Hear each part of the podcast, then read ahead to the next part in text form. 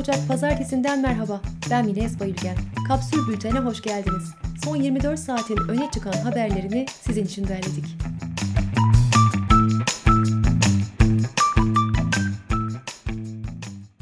...2021 yatırım programına göre bu yıl... ...Cumhurbaşkanlığının yapımı devam eden iki sarayıyla... ...Ankara'daki külliyenin bakımı ve yeni taşıtlara 448 milyon 688 lira harcanacak. Meteorolojiden yapılan açıklamaya göre kar yağışı etkisini bugün de sürdürecek. İstanbul'da barajlardaki doluluk oranı bir haftada %10,32 arttı. Kültür ve Turizm Bakanlığı verilerine göre 2020 yılında Türkiye'de bir kişiye düşen kitap sayısı 7,01'den 7,60'a yükseldi. Son bir yılda çocuk kitaplarının satışlarında artış yaşandı. Pandemide en çok klasikler, yabancı dil ve hobi kitapları sattı. Aydın Büyükşehir Belediyesi ile Efeler ve Germencik Belediyesi'nde çalışan yaklaşık 100 işçi OHAL soruşturması kapsamında valilik kararıyla işten çıkarıldı. İşten çıkarmaları bahane olarak niteleyen Belediye İş Sendikası kararı yargıya taşıyacaklarını açıkladı. Efeler Belediyesi'nden bir işçi, işten çıkarılanların tamamının Kürt ve Alevi yurttaşlar olduğunu ileri sürdü. Karadeniz ve İstanbul Boğazı'nda ticari amaçlı hamsi avı yasağı 28 Ocağı kadar uzatıldı.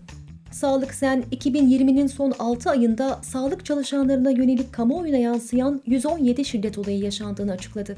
Sendikanın raporuna göre olayların 19'u sözlü, 94'ü fiili ve sözlü, 4'ü ise taciz şeklinde gerçekleşti. Sağlık Bakanlığı'nın yetkin isimlerinin Habertürk'ten Muharrem Sarıkaya'ya aktardığına göre Mart ortasına kadar 27 milyon kişiye aşı yapılacak. Aşılamanın ardından yasakların bir bölümünün kaldırılması hedefleniyor. İsrail'de Pfizer-BioNTech aşısını yaptıran 13 kişi yüz felci geçirdi. İsrail Sağlık Bakanlığı bu kişilere iyileştikten sonra ikinci doz aşının vurulacağını açıkladı. ABD'nin seçilmiş başkanı Biden çarşamba günü yemin ederek göreve başlıyor.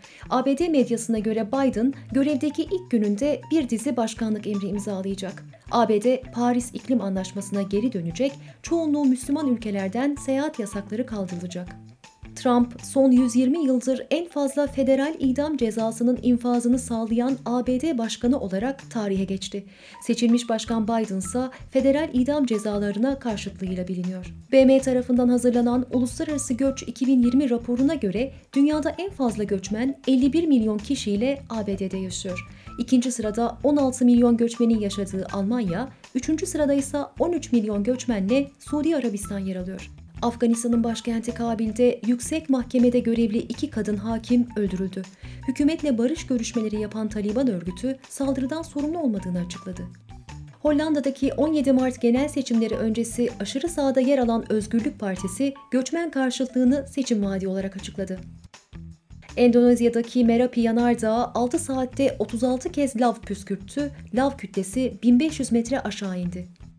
Geçen yıl siber saldırılardaki artış %400'leri buldu. 2019'da siber saldırıların dünya genelinde verdiği zararsa 3 trilyon dolar civarındaydı. Teknoser Genel Müdürü Ozan İnan'a göre yeni yılda deepfake, blockchain, fidye yazılımı, oltalama ve DNS zehirlenmesiyle akıllı oyuncaklar siber güvenlik konularının başında gelecek. UYAP verilerine göre icra dairelerindeki icra ve iflas dosyalarının sayısı 22 milyon 127 bine çıktı. Son bir yılda 99 bin esnaf kepenk indirdi. Kapanan şirket sayısı yarım milyona yaklaştı. Ayrıca BDDK verilerine göre Kasım 2020 itibarıyla batık kredi miktarı 150 milyar lirayı aştı.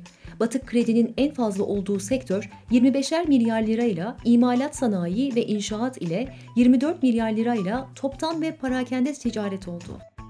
Türkiye Esnaf ve Sanatkarları Konfederasyonu Genel Başkanı Bendevi Palandöken, dövizin ateşinin yükseldiği dönemlerde maliyetleri bahane ederek A'dan Z'ye tüm ürünlere jet hızıyla zam yapanlar, döviz düşüşe geçtiği zaman indirim için aynı şekilde acele etmiyor dedi. Tarım ve Orman Bakanı Pakdemirli, Türkiye'de balıkta kaçak avcılığın neredeyse bittiğini söyledi.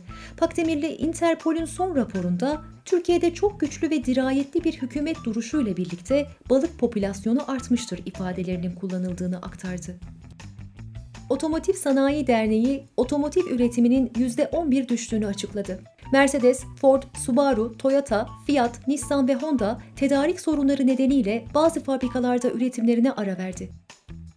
Güneydoğu Anadolu bölgesinde kuraklık nedeniyle fıstık ağaçları erken uyanmaya başladı. Ziraat Odası Başkanı Altun'a göre bu durum fiyatları %200 arttırabilir ve gelecek yılsa ürün alınamayabilir. 2020'de Türkiye'nin kara sınırlarından 3,4 milyon ticari araç giriş çıkışı yaşandı. Bunun 1 milyon 90 bini Irak'a açılan haburdan gerçekleşti. Günün sözüyle kapatıyoruz. AKP milletvekili Tuğrul Türkeş'in Azgın Milliyetçilik 21. yüzyılın ilk çeyreğinde dünya ve Türkiye'deki gelişmeler üzerine başlıklı yazısından. Azgın milliyetçiliğin hiçbir fikri derinliği bulunmaz.